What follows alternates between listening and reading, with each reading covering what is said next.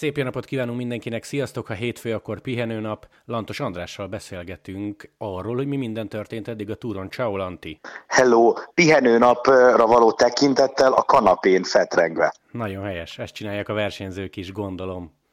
Ha persze inkább tekernek szerintem valahol a hőségben. Egy-két óra nyugiba. Na figyelj, Lanti, mert felmerül egy sokakba a kérdés, hogy miért téged hívlak, amikor nem is közvetíted a Tour de France, de hát pont ezért, mert kíváncsi lennék, kíváncsi lennék egy olyan véleményre, aki, aki kívülről látja a dolgokat, akivel nem nagyon beszélgettem be, személyesen találkoztunk a héten, és tényleg arra kíváncsi lennék, hogy te így, így mit gondolsz, hogy nem közvetíted a versenyt. Szóval, nagyon durva első hetünk volt, rengeteg komoly sztorival. Kezdjünk onnan, hogy mennyit láttál te a versenyből eddig? Minden szakaszból láttam egy picit, valamennyit, van amelyikből többet, tehát van amelyikből, amelyikből egy-két órát meg tudtam nézni, volt olyan, amiben, amit még, még majd ezután kell feldolgoznom, tehát így mindig megvan a, a túr végére az összes szakasz, csak nem mindig abban a sorrendben, meg nem mindig abban az időpontban, amikor azok történnek, de nyilván a, a nagyon fontos dolgok azok, azok mind megvoltak, vagy úgy, hogy láttam a közvetítésben, vagy úgy, hogy utána megnéztem a, a videókat, amiket kiraktatok az Eurosport oldalára, tehát igazából úgy megvan, és, és hát az eleje az, az nekem egy ilyen, egy ilyen vérfürdős horrorfilm volt, tehát azt, azt rossz volt nézni. Hát ami azóta történt, az meg bizonyos szempontból azt is rossz volt nézni, de, az, de bizonyos szempontból meg jó, meg elképesztő. Szóval nagyon nagy sztorikat hozott az első hét. Valaki mondta is előző szombaton, vagy írta a Twitteren, hogy most kéne, hogy vége legyen a Tour de France-nak, mert akkor minden idők legjobb egy hetesét láttuk volna. Annyi történetet hozott. Kezdve azzal, hogy Alaphilippe világbajnoki trikóban viszi az elsőt, aztán Van der Poel, ugye a pulidoros párhuzam, hogy a nagypapának soha nem sikerült neki elsőre, viszi a szakaszt, és hat napig viseli a sárgát. Ott van már Cavendish elképesztő visszatérése, ott van Pogacsár fölénye, és akkor olyan dolgokat még szóba se hozunk, hogy Okonor nagy szökése, meg egyébként a Giron és a Touron is tök jól teljesítő Bahrein. Szóval haladjunk sorrendbe. Van mert ő már nincs, kiszállt, ugye a Monti olimpiai bajnoki cím érdekli igazán. Nem tudom, te mit szólsz hozzá, ugye nyerte a második szakaszt a Mürde Bretányt, és aztán időfutamon védekezett, egy hosszú szökéssel védekezett, tehát ilyen rá jellemző módon ő nem tudja simán megtartani a sárgát, nem kell valami show. igen, igen, Alaphilipben, Alaphilipben, Van der Poelban szerintem ez benne van.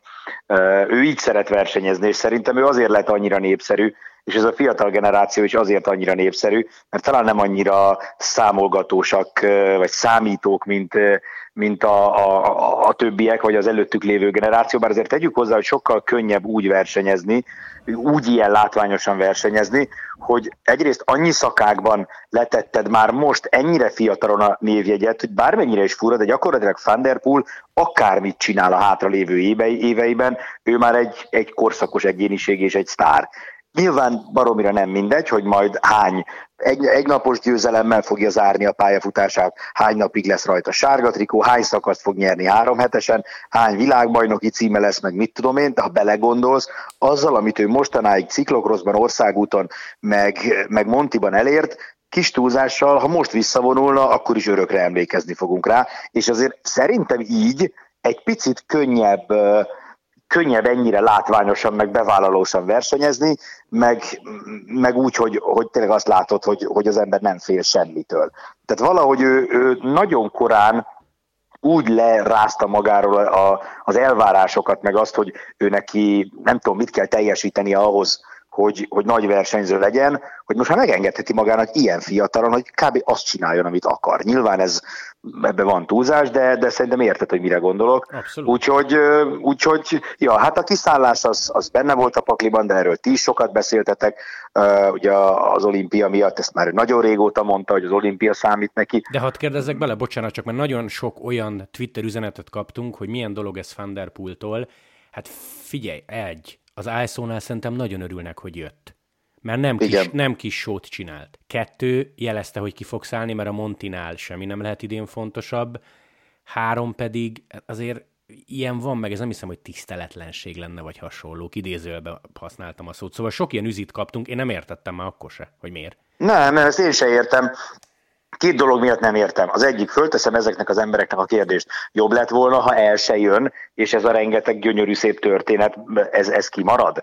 Tehát nekem például az egyik legnagyobb élményem az az volt, hogy amikor, de ezt együtt éltük szerintem meg, vagy együtt beszéltük, hogy mikor ugye kirakják a képét az eredménylista mellé, hogy mennyire hasonlít Pulidorra. És pár nappal ezelőtt láttam a Twitteren egy fotót, hogy valaki egymás mellé vágta az arcuknak a felét. Tehát a mhm, képnek az mhm. egyik oldalán Pulidor arca, a másik oldalán, vagy fele, másik oldalán Van der Poel arcának a fele, és tényleg döbbenetes, hogy olyan, mintha beleraktad volna Van der Poelt egy ilyen idősítő szoftverbe, ezek, ezek, ezekkel szegényebbek lennénk, most tényleg jobb lett volna, hogyha el se jön, mert a másik választás az az volt, hogy akkor nem jön el a Tour de France-ra, aztán majd jövőre vagy később. A másik fele az, hogy nem egy összetett esélyesről beszélünk. Egy olyan versenyzőről beszélünk, aki szakaszgyőzelmekért jött, azért jött, hogy az első héten viselje a szárgát, mindenki tudta, hogy a hegyek között úgyis le fog szakadni, én nem gondolom, hogy ebbe bármi tiszteletlenség lenne, de tudom, ez a téma mindig előjön, vannak azok az emberek, akik szerint az, szerintem nem az, és akkor innentől kezdve, ahogy szeretett állandó kedves nézőnk szokta mondani, ez már hitvita, azt meg fölösleges lefolytatni. Pontosan. Vicces, hogy nem fogunk beszélgetni az első pár percben a versenyt uraló Pogacsáról, de lehet, hogy Van is van egy nagyobb sztori, is. Kett... Hát nekem az a top. Kettő szakasz nyert már az ember, nem centikkel, nem úgy, hogy véletlenül, nem úgy, hogy buktak előtte és jól helyezkedett, hanem erőből, gyorsaságból, és hát komolyan ott tartunk 2021. július 5-én, hogy tudom, hogy ő nem szereti, de hát ezt most remélhetőleg Kevend is nem hallgatja, tényleg közel van, tényleg közel van Merx, és nem irreális. Ötből hármat kell nyernie, öt lehetősége van úgy, hogy UN nincs, Merlir kiszállt, de már időlimit, tehát jó sprinterek estek ki. Igen. Neki gyakorlatilag az lesz a fontos, hogy egészséges maradjon, tehát hogy túlélje azokat a szakaszokat, amik, amik neki nehezek és nem neki valók, és hogy aztán behúzza, most már bármennyire is furcsa ezt kimondani, mert rettentő furcsa egyébként, de behúzza a kötelezőket. Mert hogy innentől kezdve ez neki az, és, és ilyenkor mindig érdemes picit visszanézni, hogy, hogy mikről cikkeztek télen hogy, meg, hogy rossz döntése Lefevertől, hogy berakja Kevendis, hogy el fog venni más versenyzők elő lehetőséget. És hogy ezzel mekkorát kockáztat Lefever, ehhez képest, nem tudom, te biztos összeszámoltad, mennyire hatnál jár már az idei évben az összakasz győzelem, vagy öt? Kevendis négyet nyert a török körön, egyet a belga körön, és itt kettőt. Akkor már több is, akkor már több is. Akkor már hétnél. Szóval, hogy ilyen hatékonyan vette el mások elől a helyet, és Á, na mindegy, szóval ez, szerintem ez a leges legnagyobb történet az egészben, az, ahogy ő onnantól számolva, hogy tavaly zokogott, hogy nem így akarta befejezni a pályafutását, végig az a téli tipródás löfevertől, hogy most mi legyen, hozza, ne hozza, mi lenne a jó döntés. Aztán ez a tavasz, az első szakasz győzelmek a, a, a török körön, az, ahogy ő bekerült egyáltalán a túrkeretbe, és aztán ez a, ez a folytatás. Hát innentől kezdve most már, csak, most már csak annak lehet szurkolni. Én nagyon szurkolok, hogy meglegyen a rekord. Tehát, hogy, hogy szerintem a, a, ennek a modern kori kerékpársportnak az egyik legnagyobb sztoria lenne. Mit mondasz arra, mert legyünk őszinték januárban meseszerű lett volna, hogy Cavendish két szakasz nyer egyet zöldben, ráadásul ugyanott, ahol életében először Tour de France-on hm. 2008. Szóval mit mondasz arra az opcióra, hogy Champs-Élysées, Párizs zöldben megnyeri, és ott dönti meg Merckx rekordját? Azt, hogy szerintem minden újságíró erre vár meg, meg valószínűleg eh, filmstábok várnak erre, hogy ezt majd utána filmre vigyék, mert azért legyünk őszinték, ebből akár egy, egy nagyon jó kis játékfilm is lehetne, nem? Tehát a, a, a tavalyi Lombardia, Lomba, nem Lombardia volt ez, amikor ott sírt. Gentvevelgem. Gentvevelgem, Gentvevelgem, igen. Szóval a tavalyi Gentvevelgemtől de egyébként bele lehetne tenni még a, az előttet, ugye már emlékez vissza, amikor a Kubekával 16 talán, amikor, so, amikor sokat nyert, arra gondolsz? Igen, a, már akkor, akkor egy kicsit olyan volt az ő, az ő négy szak, azt hiszem négyet nyert, négy szakasz győzelme, Pontosan, hogy 16-ban. úristen, ez mekkora sztori. És gondolj bele, hogy azóta mennyi idő telt el, mind ment keresztül, ha jól emlékszem, két, két bár Epstein vírus, ez a, uh-huh. a mononukleózis, és, és, és úgy nézett ki tavaly, hogy be fogja fejezni, na mindegy, szóval ebből akár egy jó filmet is lehetne forgatni. Szóval szerintem igen, amit mondasz, ez az, amiről mindenki álmodik, ez lenne a tökéletes. Neked mennyire, De nem bocsánat, hiszem, hogy, bocsánat, nem hiszem, neked, hogy ki fog várni odáig. Neked mennyire volt meg az a sztori, hogy ő, és erről a Times-ban mesélt pár éve, hogy őt klinikailag diagnosztizálták depresszióval. Nem szedett erős gyógyszereket, de konkrétan ez, a, ez az orvosi szakvélemény kijött róla, és ő ezt elmesélte. Nem, én ezt nem hallottam, nem tudtam erről. De nagyon súlyos. Nagyon komoly. Nagyon és ez mikor, az megvan neked, hogy mikor, milyen, melyik időszak? Én azt hiszem, hogy amikor a Bahreinhez ment, és a Dimension Data-t elhagyta, tehát ilyen 18-19 környéke, uh-huh. ez, ez rémlik. Nagyon komoly. Nem, ezt, ezt nem tudtam róla. Nagyon durva. Úgyhogy mindennek fényében, és mondom, esnek ki a sprinterek, és papíron öt lehetőséged van, abból kéne hármat ahhoz, hogy átvegye a vezetést. Igen, és most egyébként lehet, hogy nagyon durván hangzik, de így, így végignézve, hogy kik hullottak kis sprinterek, lehet, hogy a nagyobb kérdés az az, hogy végig tud-e menni a nagyon nehéz szakaszokon, és hogy nehogy limit időbe csúszom, vagy, vagy nehogy bukás legyen, betegség legyen, mint az, hogy, hogy amikor eljutnak oda, hogy mezőnyhajrá, akkor, akkor, akkor legyen ereje. Mert nagyon úgy tűnik egyébként, hogy a, a sebességével azzal a mostani mezőnyből kevesen tudnak már versenyezni, viszont ami, ami nagy, lehet, hogy nagyobb veszély rá, hogy, hogy tényleg végig tud-e menni, és eljut-e például Párizsig. Hát vasárnap is úgy jött be, van videó róla a Twitteren, hogy gyakorlatilag ünnepel. Nem azt mondom, hogy mintha szakasz nyert volna, de Mörkövel meg Deklerkel úgy jöttek meg, hogy hogy kb. az életükért mentek. Meg volt a limit, de látszott Kevendisen a megkönnyebbülés, hogy úristen, ezt lenyomtam és beértem, mert ugye Demárnak ez nem sikerült. Igen, igen. Mit szólsz ahhoz a Marx nyilatkozathoz? Nyilván a belga sajtóban megkérdezték, hiszen közelít hozzá Kevendis, hogy mi van most ezzel a, ezzel a rekorddal, és Eddie Marx azt találta mondani, hogy Hát nézőpont kérdése a dolog, de szerintem is nem fog öt sárga trikót nyerni, és nem fog 96 napot egyébként sárgába tölteni, mert ő szerinte ezek számítanak, nem a szakasz győzelem. Szerintem a rekordok azok pont arra valók, hogy, hogy mindenkit megünnepeljünk a maga módján.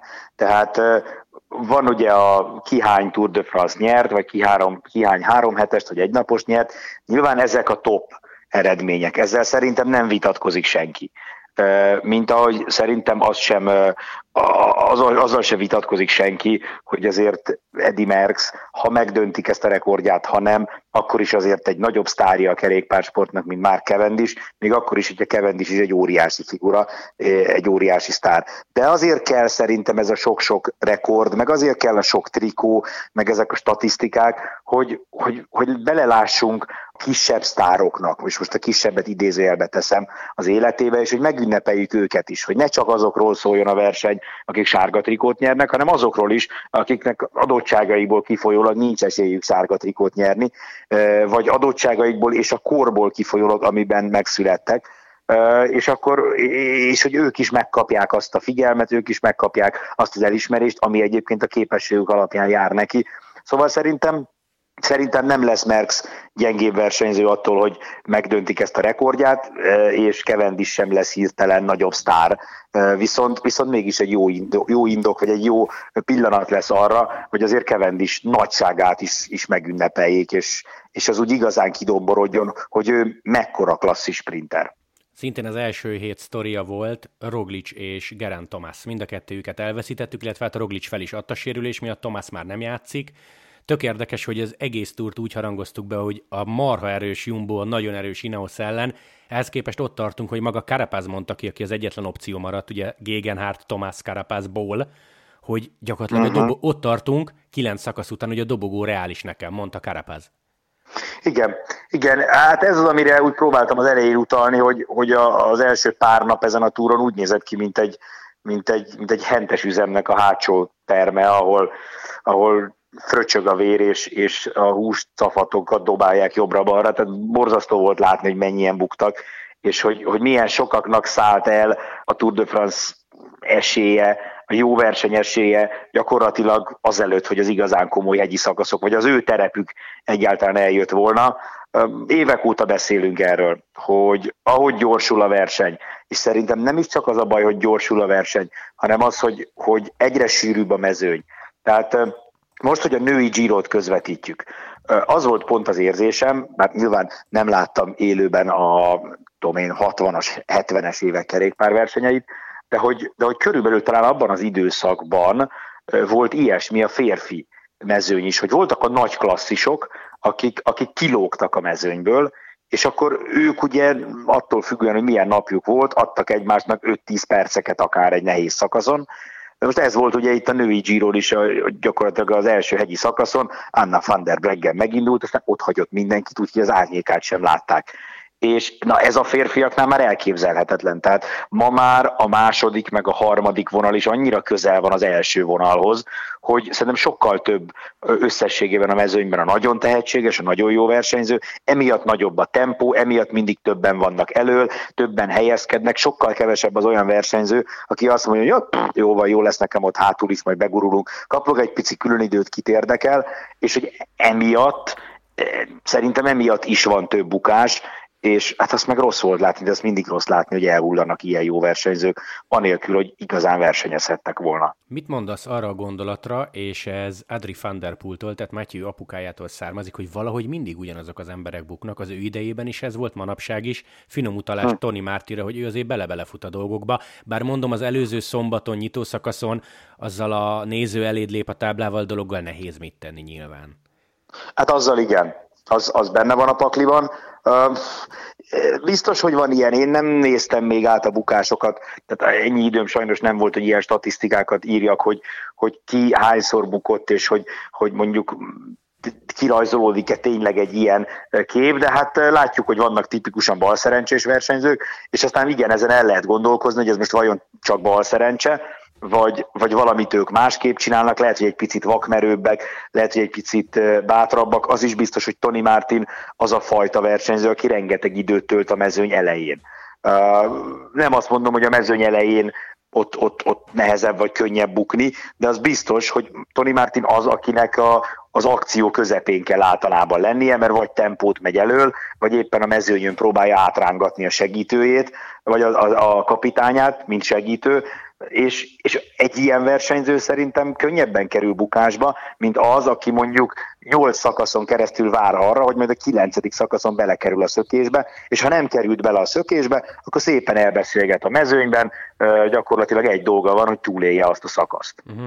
Igen, ez jó, jó meglátás, meg majd ha jön be Valterati a harmadik héten, én meg szeretném kérdezni erről, mert nagyon kíváncsi vagyok, hogy mit mond. Uh-huh, ez jó téma, kíváncsi vagyok, hogy ők hogy látják, hogy vannak-e olyan versenyzők, akiknek a versenyzési stílusa, meg a mezőnyben való mozgása az szinte, szinte vonza a, a bukást. Pogacsár, mert ha forgatnánk egy filmet az eddigi kilenc szakaszról, lehet az lenne a címe, hogy Pogi és a többiek, rettentő, hm. sú, rettentő súlyos fölény, nagyon-nagyon komoly dominancia, nem elfelejtve azt, hogy két hét még hátra van, nem tudom, hogy te hogy nézted az ő teljesítményét az elmúlt három szakaszon, nyilván mást gondolsz, hogy mást láttál, mint mi, akik közvetítettük, de nekem, és ezt direkt nem mondtam adásba, nekem tudod kiugrott be. Emlékszem rá, hogy Geraint Thomas simán nyert, Nibali simán nyert, lehet, hogy még lehetne példát mondani, de ilyen Lance Armstrong szintű dominancia. Tehát minden évben leültél júliusba, bíztál benne, hogy lesz gyenge pontja, de magadba tudtad, hogy nem lesz. És Pogacsár, Pogacsárral is ezen, hogy úgy ment az ember, hogy nem volt benne, hogy elfogy. Az, neki az nem korai. Hihetetlen. Igen. Biztos, hogy most Pogácsárral kapcsolatban, akik, akik szeretnék, hogy izgalmas legyen a verseny, vagy kifejezetten mondjuk szurkolnak ellene, Tuti, hogy ők most előszedik majd azt a lemezt, hogy dő, túl korán van, jó formában, majd a harmadik hétre elfárad, túl hamar került előre, nézzék meg Jétszet, túl sok gyufát égetett el itt az elején, meg lehet erről beszélni, de, de hát az a helyzet, hogy láttuk Pogacsárt már egy pár versenyen, és, és tényleg elképesztő. Döbbenetes volt ez az első hét, fájdalmasan döbbenetes volt. Fájdalmasan döbbenetes ránézni az összetetre egyébként. Nem tudom, hogy olvastatok-e statisztikát erről, hogy, hogy mikor volt egy hét után ilyen nagy különbség már az összetetben, mondjuk a top 3, top 5, top 10 között. Van statisztika, van statisztika de azért becsapós szerintem, mert ugye most, ha Okonort nézed, akkor az gyakorlatilag kettő perc, de lehet egyébként, hogy uránt kéne nézni, és az öt perc fölötti. Na igen, én is arra gondoltam, hogy igen, igen, tehát hogy Okonor most oda bepofátlankodott, és nagyon ügyes volt, és le a kalappal előtte, meg jó versenyző, de hát jó kérdés, hogy ő meddig maradott. Tehát, hogy őt azért nem soroljuk a favoritok közé. Igen, én is ezt a három meg öt perceket számoltam, amik ugye voltak itt az elmúlt napokban, hogy hát ilyen különbségek a harmadik hét végén szoktak lenni, nem az első. Mit mondasz a most vasárnapra, mert tök érdekes volt menet közben, hogy még 7 kilométerrel a befutó előtt is virtuálisan Okonor sárgában volt. Brünelék is erről beszélgettek a podcastben, hogy mi van akkor, ha Pogacsár leadja, mi van akkor, ha le akarta adni. Nyilván a támadásával a végén ez nem került szóba, de, és ezt Johan mondta, nem lett volna gyengébb versenyző, vagy nem egy gyengébb versenyző attól Pogacsár, ha leadja, mert kinek adta volna? Francia csapatnak, akik ragaszkodtak volna hozzá, és biztos, hogy a szerdai va, dupla vantúsz szakaszon is mentek volna, életük árán érte, tehát, hogy nem lett volna ördögtől való leadni a sárgát. Igen, viszont ami bennem fölmerült, hogy néztem a szakaszt, hogy vajon ők ezen agyaltak menet közben, és a vége fele döntöttek úgy, hogy na jó, ne, ne adjuk le, mert ugye ott, ott nagyon sokat ledolgozott aztán Pogácsár a, a, a vége fele, de ugye, ahogy mondtad, te is elég sokáig úgy tűnt, ti is emlékszem, hogy arról beszéltetek az élőben, hogy hát ezt valószínűleg leadja, mert az egész talán az utolsó 20 pár kilométeren kezdett el, igazán menni az Emirates, Szóval nem tudom, hogy lehet, hogy menet közben döntöttek úgy, hogy mégse. Lehet, hogy megnéztek pár YouTube videót Okonorról, és azt mondták, hogy na jó, azért ennek mégse adjuk oda. Tehát, hogy ne, nem tudom, mert ugye abból is, tehát abból indulnánk ki, hogy ha az elején eldöntötték, hogy nem adják le, akkor, akkor miért az utolsó kilométerekre hagyták? Ha, ha nem, hanem menet közben döntöttek úgy, akkor az meg egy érdekes dolog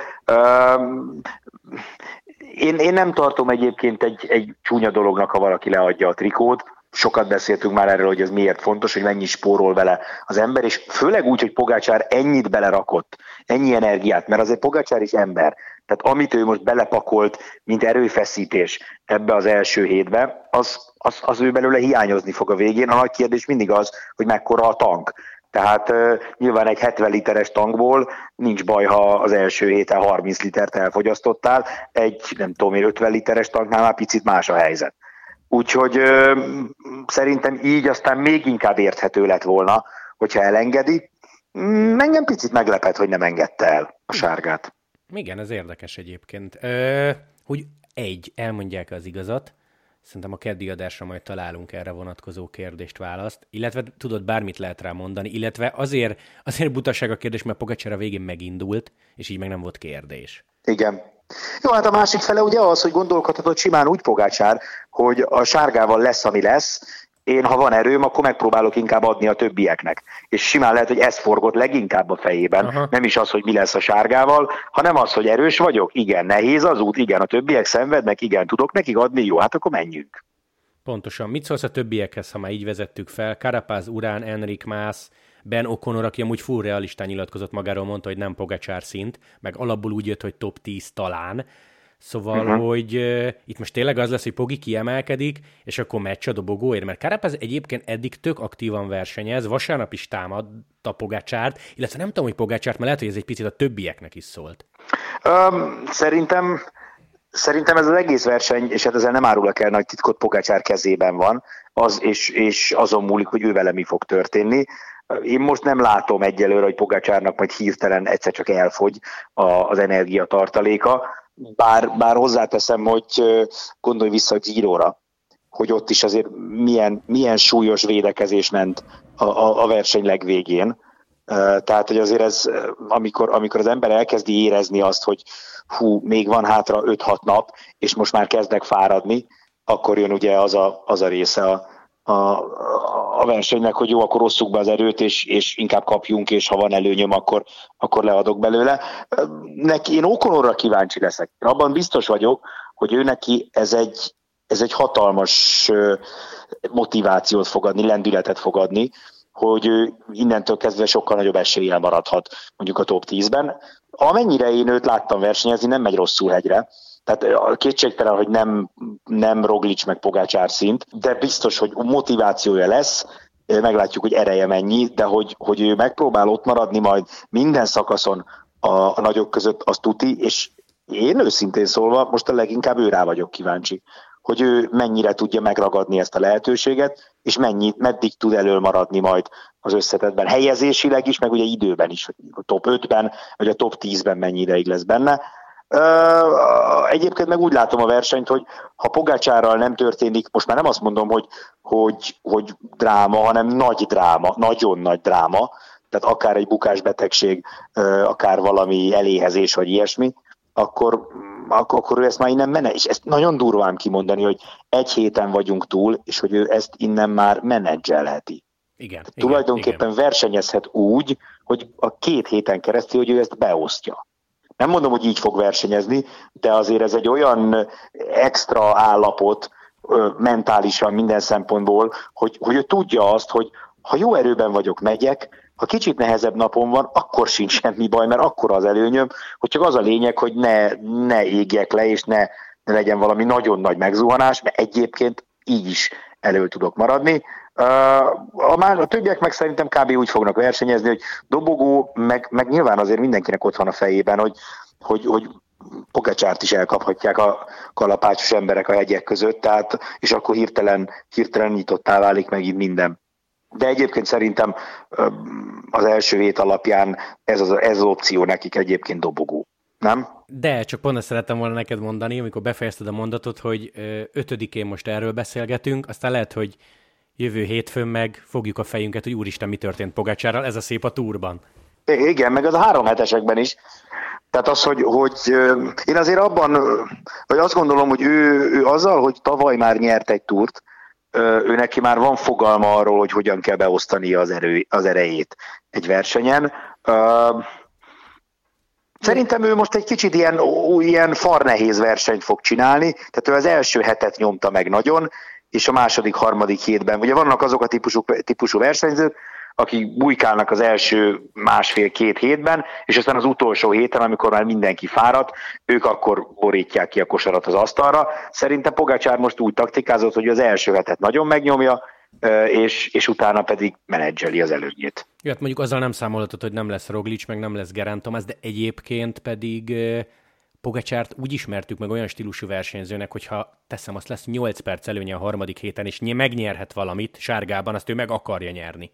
Igen, igen, ez így van, meg fiatal is még, bár hozzáteszem, az ő helyzete picit talán más, mint, mint Van der Poelé, mert ugye Van der Poel főleg szakaszgyőzelmekért megy, trikóért megy, meg egynaposokért. Az egynaposok is olyanok, hogy jó, hát ha ma nem, majd holnap.